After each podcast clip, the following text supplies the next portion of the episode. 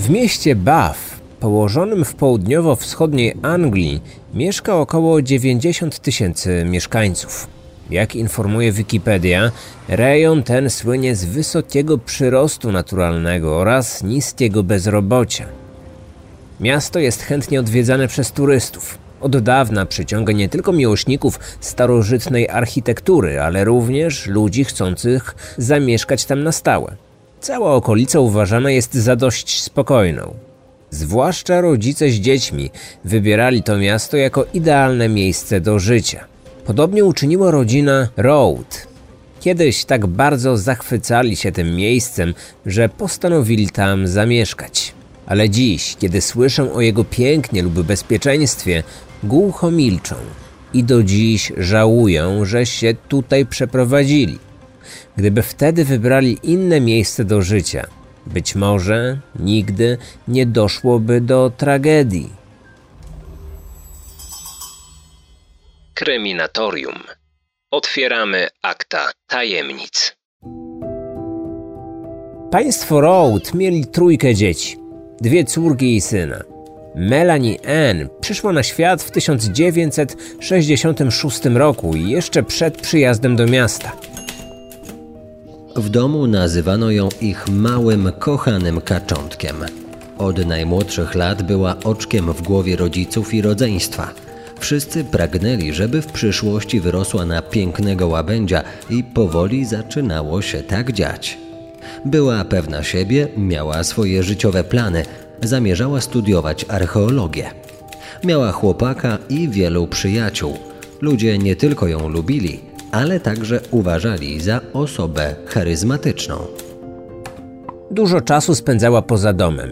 Trenowała różne sporty, w tym swojego ukochanego tenisa. Lubiła również trochę poimprezować w gronie najbliższych znajomych. W szkole była świetną uczennicą. Otrzymywała najlepsze oceny. Wszystko wskazywało więc na to, że bez problemu zda ostatnie szkolne egzaminy i pójdzie na wymarzone studia. Świetnie dogadywała się z pozostałymi domownikami. W ostatnim czasie często rozmawiała ze starszą siostrą o wyjściu za mąż i posiadaniu dzieci. Najpierw jednak studia i znalezienie pracy, a dopiero później założenie własnej rodziny. Tak widziała swoje życie. Zanim tak się miało stać, pragnęła zasmakować trochę wolności, zwiedzając inne kraje. Podróże zawsze ją fascynowały, więc po osiągnięciu pełnoletności zamierzała wyruszyć w drogę ze swoim chłopakiem i przyjaciółmi. Dziewczyna zawsze miała wiele pomysłów. Nie mogła się doczekać, aby zacząć je w końcu realizować. Nie przypuszczała jednak, że pewnego dnia ktoś jej w tym przeszkodzi. Był piątek 8 czerwca 1984 roku. Rozpoczął się wyczekiwany weekend. Tego dnia Melanie wraz z grupą innych nastolatków postanowiła pójść na imprezę i trochę się zabawić. Od czasu do czasu lubiła wybrać się do klubu w towarzystwie swojego chłopaka i kilku przyjaciół. Tym razem miała szczególny powód do świętowania. Do kraju przyleciał właśnie jej starszy brat, który na co dzień mieszkał za granicą. Kilkuosobowa grupa młodych ludzi udała się do jednego z najpopularniejszych miejsc w mieście. Piątkowy wieczór upłynął im na tańcach, słuchaniu głośnej muzyki, śmiechach oraz spożywaniu alkoholu. Każdy z nich wypił trochę piwa lub drinków, ale nikt się zbytnio nie upił. Koło godziny pierwszej trzydzieści w nocy wszyscy wyszli. Byli już zmęczeni i każdy marzył tylko o tym, aby w końcu wylądować we własnym łóżku. Melanie po opuszczeniu klubu musiała się rozdzielić z grupą. Droga do jej domu prowadziła w zupełnie innym kierunku. Byłem zbyt zmęczony, aby ją odprowadzić. Jednak czułem niepokój na myśl, że moja dziewczyna będzie samotnie wracać do domu. Może i żyjemy w spokojnym mieście, w którym rzadko dzieje się coś złego, ale wiadomo, że różne rzeczy mogą się zdarzyć. Dlatego zaproponowałem, że zamówię jej taksówkę. Jednak ona w ogóle nie chciała o tym słyszeć. Siedemnastolatka zdecydowanie odrzuciła ofertę takiej podwózki. Stwierdziła, że woli przejść się i powdychać trochę świeżego powietrza. Wypity alkohol sprawił, że zrobiło jej się nieco duszno. Poza tym właśnie opuściła zatłoczony lokal, gdzie tańczyła w dużym ścisku. Potrzebowała więc trochę przestrzeni. Postanowiła więc, że pójdzie na spacer, aby przez chwilę pobyć sama. Do domu nie miała daleko, może koło pół godziny piechotą. Pomimo późnej pory nie bała się. Wiele razy wracała do domu o podobnej godzinie i nigdy nie spotkało ją nic złego. Nie zdarzyło się nawet, aby ktokolwiek ją zaczepiał. Choć jej chłopak i znajomi próbowali namówić ją, by zgodziła się na taksówkę, ona uparła się. Była stanowczą i pewną siebie osobą. Nie lubiła, gdy ktoś mówił jej, co powinna zrobić, nawet gdyby to miało jej w czymś pomóc. Szybko przekonała wszystkich, że to właśnie ona ma rację. W końcu wszyscy się z nią zgodzili. Przecież już tyle razy po imprezach wracała do domu sama. Okolica była bezpieczna. Co złego mogłoby się wydarzyć w ciągu najbliższych 30 minut? Po przedstawieniu swoich argumentów, dziewczyna pożegnała się ze wszystkimi i ruszyła w swoją stronę. Po pewnym czasie wszyscy członkowie tej grupy bezpiecznie dotarli do domów. Zasnęli w przekonaniu, że i Melanie dotarła do siebie, cała i zdrowa. Dziś każdy z nich wysłałby pewnie SMS-a i napisał, że dotarł na miejsce i wszystko jest ok. Ale w latach 80. niestety taka szansa nie istniała. Pozostawało więc jedynie przeczucie i nadzieja, że nikomu nic złego się nie przytrafi. Kiedy państwo Road obudzili się rano i zobaczyli, że ich córki nie ma jeszcze w domu, byli trochę zdziwieni. Melanie zawsze wracała z imprez w środku nocy. Zazwyczaj koło godziny drugiej, ale nigdy nie później niż o trzeciej. Jeśli zamierzała zostać u kogoś na noc, uprzedzała ich o tym wcześniej. Nieobecność dziewczyny początkowo ich jednak nie zmartwiła. Pomyśleli, że tym razem musiała mocniej zabalować i po prostu zapomniała o powiadomieniu ich, że wróci dopiero następnego dnia.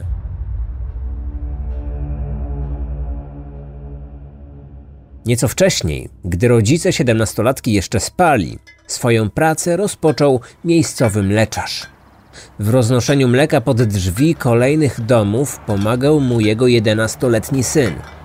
Pokonując swoją rutynową trasę, przechodzili obok następnych budynków.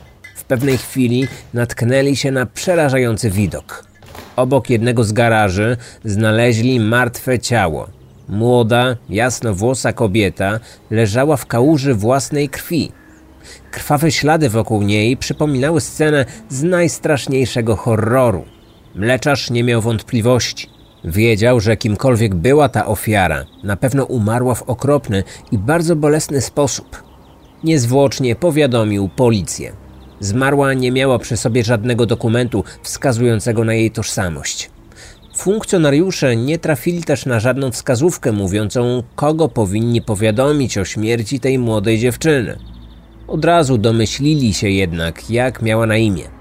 Obok niej leżały klucze z doczepionym do nich drewnianym breloczkiem, a na nich było wyryte imię Melanie.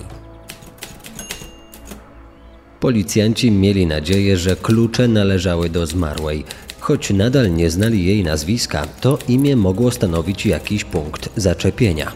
W okolicy było wiele domów, dlatego podejrzewano, że ofiara mieszkała właśnie tam. Jej ciało znaleziono przed godziną szóstą, więc założono, że zginęła w nocy. Prawdopodobnie gdy wracała do domu od znajomych lub z imprezy. Standardowa policyjna procedura nakazywała w takim przypadku, aby policjanci zaczęli chodzić od drzwi do drzwi z pytaniem, czy ktokolwiek znał lub kojarzył młodą kobietę o imieniu Melanie. Czy ktoś wie, czyją była córką lub gdzie mieszkała. Ale policjanci z tego zrezygnowali. Zamierzali to załatwić w znacznie szybszy sposób, bo w przypadku schwytania sprawców tak brutalnych zabójstw zwykle to czas odgrywa najważniejszą rolę. Dlatego, już po chwili, z jadącego przez sąsiedztwo radiowozu dało się usłyszeć głośne pytania zadawane przez megafon. Melanie? Czy ktoś z Państwa zna jakąś Melanie? Czy jakaś Melanie mieszka w tej okolicy? Czy młoda kobieta o takim imieniu wyszła wczoraj wieczorem lub ostatniej nocy z Państwa domu i do tej pory nie wróciła? Melanie? Melanie? Radiowóz policyjny jeździł po całej okolicy i jeden z policjantów co chwilę wymawiał jej imię. Liczono na to, że ktoś z mieszkańców w końcu zareaguje. Matka Melanie była wtedy akurat w domu. Zastanawiała się, dlaczego jej córka w dalszym ciągu nie wróciła. Dlaczego nawet nie poinformowała o tym, że zamierza nocować u jakiejś koleżanki. Kobieta już zamierzała zacząć dzwonić do znajomych córki, kiedy nagle za okna usłyszała jej imię. Otworzyła drzwi i wybiegła przed dom. Zaczęła nasłuchiwać, skąd dobiegało wołanie. Gdy tylko za zakrętu wyłonił się policyjny radiowóz, którego po raz kolejny padło imię siedemnastolatki, jej matka o mało nie zemdlała. Coraz bardziej przerażona kobieta nagle uzmysłowiła sobie bolesną prawdę. Melanie nie wróciła do domu i nie zadzwoniła. Teraz jakiś policjant powtarzał jej imię, ale nie zwracał się bezpośrednio do niej. Czyżby już ją mieli? Przecież nie szukali jej, tylko kogoś, kto ją znał. Nawet gdyby ją aresztowali, to bez trudu dowiedzieliby się, gdzie mieszka jej rodzina. Powiadomiliby rodziców bezpośrednio, a co najważniejsze, dyskretnie. Dlaczego więc tak publicznie próbowali ustalić, kto znał jej córkę? Kobieta bez namysłu zaczęła biec za radiowozem. Machała rękami, chcąc zwrócić na siebie uwagę policjantów. Kiedy ich dogoniła, powiedziała, że jej 17-letnia córka ma na imię Melanie. Że wczoraj poszło na imprezę ze znajomymi. Miała wrócić w nocy, ale rano jej łóżko nadal było puste, a wszystkie rzeczy leżą na nim dokładnie tak, jak leżały zanim wyszła z domu. Padło pytanie, czy jej córka nosiła przy sobie klucze z breloczkiem zawierającym jej imię. Kobieta potwierdziła. Wtedy radiowóz się zatrzymał. Wysiadł z niego jeden z policjantów. Nie miał wyjścia.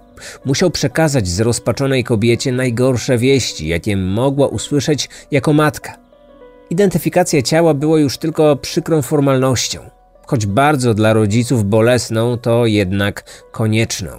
W ten sposób uzyskano stuprocentową pewność, że znalezione przy jednym z garaży ciało należało do 17-letniej Melanie Road. Jeszcze tego samego dnia przeprowadzono sekcję zwłok. Ofiara została wielokrotnie dźgnięta nożem. Na jej ciele znajdowało się 26 kilkucentymetrowych ran kłutych. Osiem z nich zadano w jej piersi, pozostałe w klatkę piersiową i plecy. Sprawca najprawdopodobniej zaatakował ją na ulicy. Najpierw dźgnął raz, później zaczął ją gonić. Gdy oboje znaleźli się w załuku, dopadł ją. Wtedy zadał pozostałe ciosy, a następnie zgwałcił. Na miejscu zbrodni znajdowało się ponad 70 śladów krwi. Biegły wzdłuż garaży w kierunku głównej drogi. W pewnym momencie nagle się urywały. Ustalono, że zdecydowana większość próbek z zabezpieczoną krwią należała do ofiary, ale w jednej z tych próbek krew miała inną grupę. W dodatku bardzo rzadką, bo posiadaną przez zaledwie 3% społeczeństwa. Wyliczenia specjalistów nie budziły wątpliwości. Ich zdaniem taką grupę krwi mogła w tym mieście posiadać tylko jedna osoba. Tak przynajmniej wskazywały statystyki. Na zwłokach odkryto nasienie sprawcy, a ciosy, które zadał ofierze, znajdowały się wyłącznie po prawej stronie jej ciała.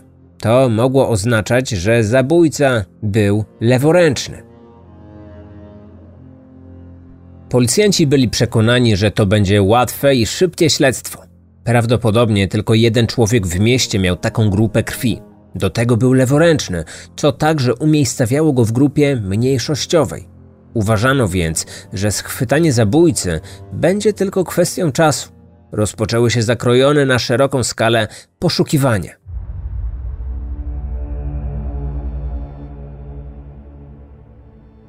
Czy nastolatka znała swojego mordercę? Zdaniem jej rodziny nie miała żadnych wrogów. Była lubiana w szkole i okolicy. Nigdy nie wdawała się z nikim w kłótnie czy w konflikty. Nie miała żadnego cichego wielbiciela, który mógłby ją obserwować a tamtej tragicznej nocy śledzić i zaatakować. Przesłuchano jej chłopaka. W ich związku nigdy nie doszło do niepokojących sytuacji. Rzadko się nawet kłócili. Śledczy wzięli go jednak pod lupę, ponieważ w przypadku zabójstw często okazuje się, że ich sprawcami są właśnie osoby bliskie ofierze. Ale policjanci nie znaleźli żadnego motywu. Poza tym chłopak miał żelazne alibi na noc zabójstwa. Po imprezie od razu wrócił do domu i natychmiast położył się spać. To potwierdzili członkowie jego rodziny. No i grupa jego krwi nie pasowała do tej, którą znaleziono na miejscu przestępstwa. Detektywi nie mieli zbyt wielu tropów i dowodów. W tamtych czasach ślady biologiczne nie pomagały w ustaleniu tożsamości sprawców tak bardzo jak obecnie. Nie było jeszcze bazy danych DNA. Zabezpieczonych próbek nie można było tak po prostu dopasować do skazanych już przestępców. Na tym etapie śledztwa dokonaliśmy wielu aresztowań i przesłuchań. Zatrzymaliśmy wszystkie osoby, których zachowanie już po zabójstwie mogło być podejrzane. Sprawdziliśmy przebywających na wolności byłych przestępców, zwłaszcza tych skazanych za gwałty i ataki na kobiety. Zwracaliśmy uwagę na każdego, kto kręcił się w pobliżu miejsca zbrodni. To niczego nie dało.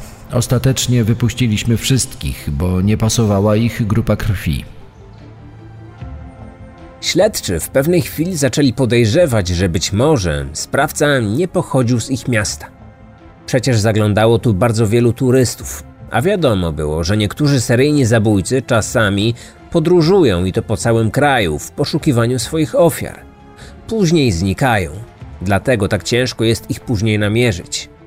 Sprawa utknęła w martwym punkcie na długich 11 lat. Po tym czasie powstała w Wielkiej Brytanii długo wyczekiwana przez policję baza danych DNA. W roku 95 wszyscy mieli nadzieję, że dzięki rozwojowi techniki w śledztwie nastąpi wreszcie jakiś przełom, że tym razem uda się zidentyfikować tajemniczego zabójcę. Detektywi z Wydziału Zabójstw mieli nadzieję, że już po zabiciu Melanie, a więc w latach od 84 do 95, sprawca tej zbrodni został choć raz zatrzymany za jakieś inne przestępstwo. Że pobrano jego próbkę DNA, gdy było to już możliwe, i że umieszczono ją w krajowej bazie danych. Niestety przyszło rozczarowanie, bo nikogo takiego nie znaleziono w systemie. Rok później doszło w tym miasteczku do zaginięcia 25-letniej kobiety. Ta sprawa wstrząsnęła tamtejszymi mieszkańcami. Podobnie jak 12 lat wcześniej uczyniła to śmierć Melanie Road. Tym bardziej, że zaginiona była jej imienniczką. Melanie Hall pracowała w biurze miejscowego szpitala. 8 czerwca 1996 roku razem ze swoim chłopakiem i kilkoma znajomymi poszła do klubu. Na imprezie para pokłóciła się. Powodem była zazdrość. Jakiś mężczyzna poprosił Melanie do tańca i ta się zgodziła. To nie spodobało się jej chłopakowi, który zaczął na nią krzyczeć. W końcu, zdenerwowany, wyszedł z lokalu. Kobieta po raz ostatni była widziana chwilę po godzinie pierwszej w nocy. Siedziała wtedy przy barze i popijała drinka. Później wyszła z klubu i poszła w kierunku miejsca swojego zamieszkania. Do domu nigdy jednak nie doszła. Jej zaginięcie policja od razu powiązała z zabójstwem 17-letniej Melanie. Choć te dwie sprawy dzieliło 12 lat, to było pomiędzy nimi wiele podobieństw. Kobiety miały tak samo na imię, mieszkały w tym samym mieście. Obie ostatni raz były widziane tuż po wyjściu z klubu. Obie wracały samotnie do domu. Były ładnymi blondynkami o wesołym usposobieniu. Dodatkowo łączyło je jeszcze jedno podobieństwo, którym śledczy szczególnie się zainteresowali. Choć ta pierwsza Melanie została zamordowana w roku 84, a druga zaginęła w roku 96, a więc 12 lat później, okazało się, że wydarzyło się to tego samego dnia, 9 czerwca. Czy mógł to być jedynie zbieg okoliczności? Nie wszyscy śledczy uwierzyli w taki przypadek. Póki co nie można było jeszcze mówić, że Melanie Hall także została zamordowana. Nie odnaleziono jej ciała. Nie było żadnych fizycznych dowodów na to, że ta kobieta nie żyje.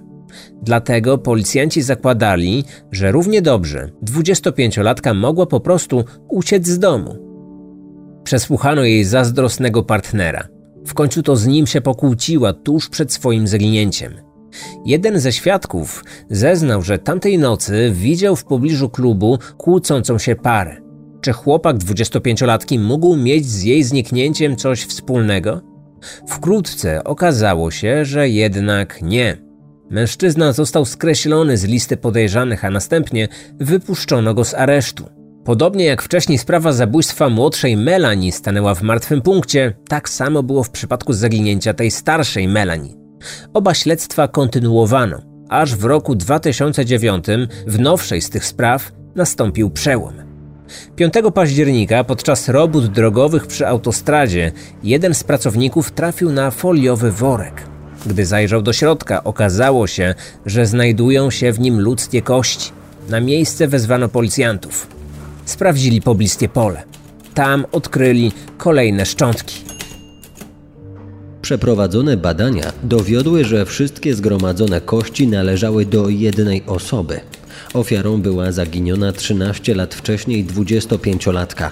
Sekcja zwłok wykazała, że kobieta zmarła w wyniku urazu głowy zadanego tępym narzędziem. Doszło do pęknięcia czaszki, kości policzkowej i szczęki. Przed śmiercią jej ciało zostało skrępowane liną. Policja nie doszukała się w tej zbrodni żadnych powiązań z zabójstwem Melanie Road. Modus operandi sprawcy był zupełnie inny. 25-latka zmarła od jednego uderzenia w głowę. Jej zwłoki porzucono w worku na śmieci, natomiast 17-latkę zabito za pomocą noża. Sprawca zadał jej wiele ciosów, a później brutalnie zgwałcił. Jej ciała nawet nie starał się ukryć. Dokładne okoliczności śmierci Melanie Hall do dziś pozostają zagadką, choć policja miała kilku poważnych podejrzanych. Jednym z nich był John Cannon, wielokrotny gwałciciel i domniemany seryjny zabójca. Jednak nigdy nie udowodniono mu popełnienia tej zbrodni. Z czasem pojawiło się także przypuszczenie, że mordercę 25-latki mogło zainspirować zabójstwo z 1984 roku. Gazety szeroko o tej sprawie wtedy się rozpisywały, przekazując swoim czytelnikom wiele drastycznych szczegółów. Czy jednak faktycznie było to działanie naśladowcy? To wydaje się prawdopodobne, tym bardziej, że takie przypadki miały już miejsce, zarówno wcześniej, jak i później. Jednak brakowało na to dowodów.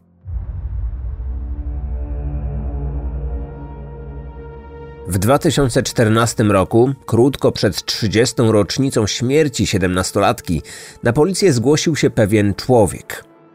Twierdził, że posiada ważne informacje. Chciał przekazać je policjantom już w latach 80., ale z powodu różnych ówczesnych zawirowań i problemów w jego życiu nigdy się na to nie zdecydował. Przez wszystkie lata wciąż jednak dręczyła go jedna myśl, że mógł on widzieć poszukiwanego od dawna zabójcę.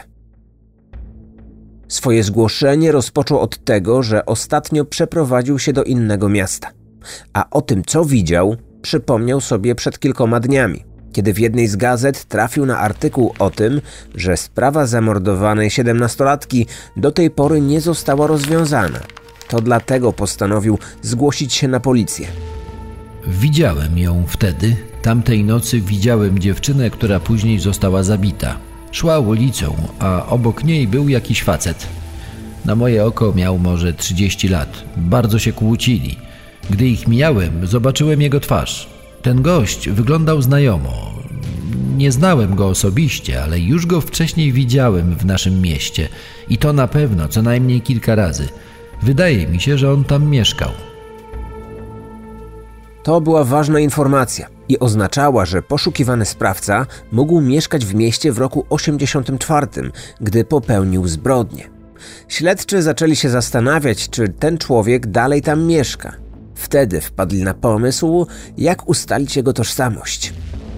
Wiadomo już było, że jego DNA nie znajdowało się w bazie kryminalnej, ale można było sprawdzić, czy jakaś inna osoba z nim spokrewniona nie została aresztowana za jakieś przestępstwa.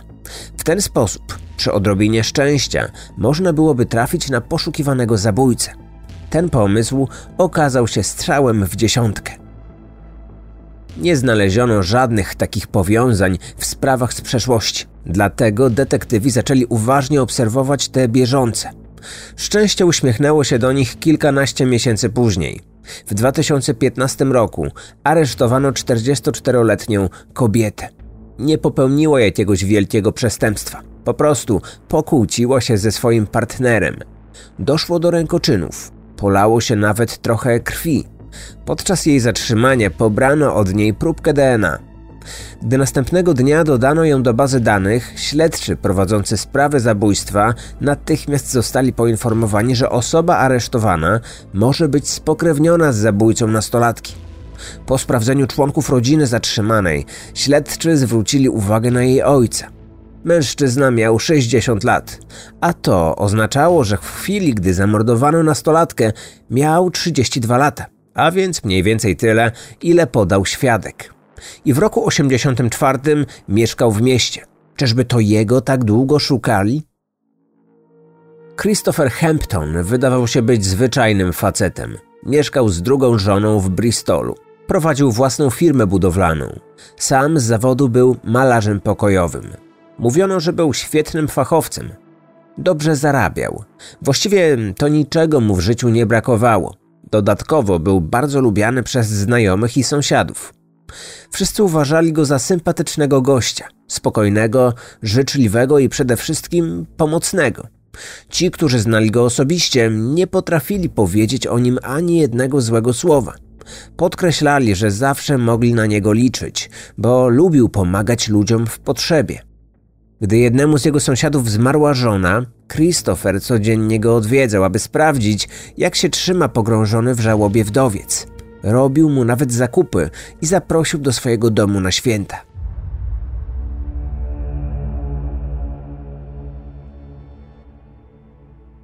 Detektywi postanowili odwiedzić go w jego własnym mieszkaniu.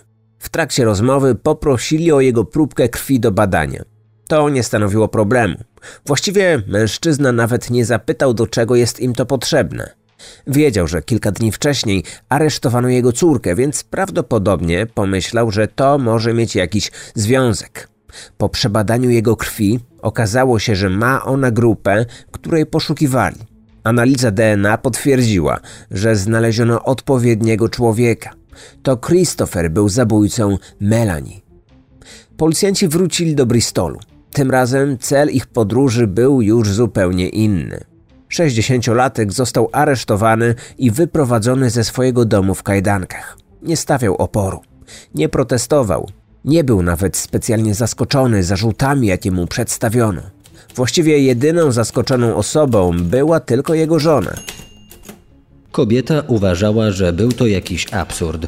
Twierdziła, że policjanci pomylili jej męża z kimś innym że mężczyzna, z którym mieszkała pod jednym dachem, nie byłby w stanie skrzywdzić nawet muchy, nie mówiąc już o zabiciu kogokolwiek. Gdy się rozstawali, obiecała mu, że niedługo znowu będą razem. On tylko spojrzał na nią i beznamiętnym głosem odpowiedział, że już się nie zobaczą.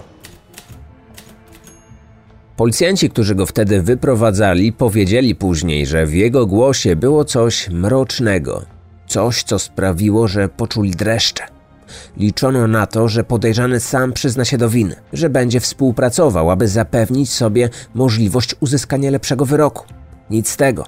Wbrew oczekiwaniom wszystkich, Christopher nie przyznał się do popełnienia zbrodni.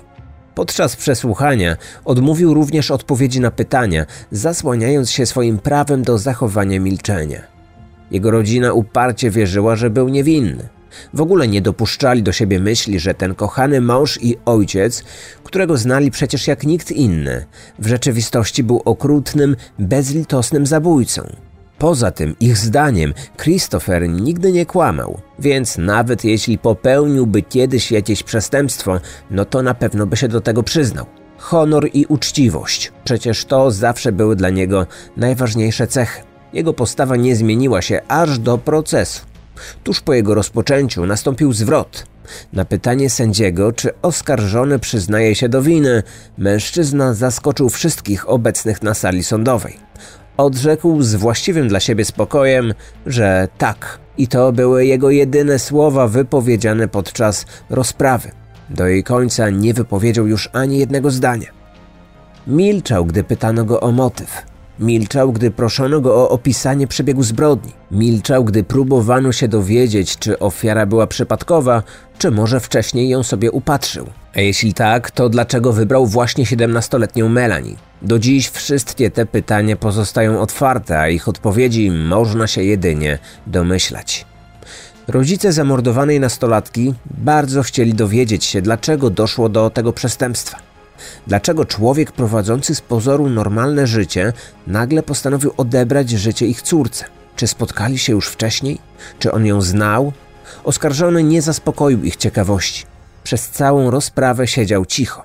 Ani razu nie spojrzał w stronę członków rodziny swojej ofiary. Nie przeprosił ich za to, czego się dopuścił.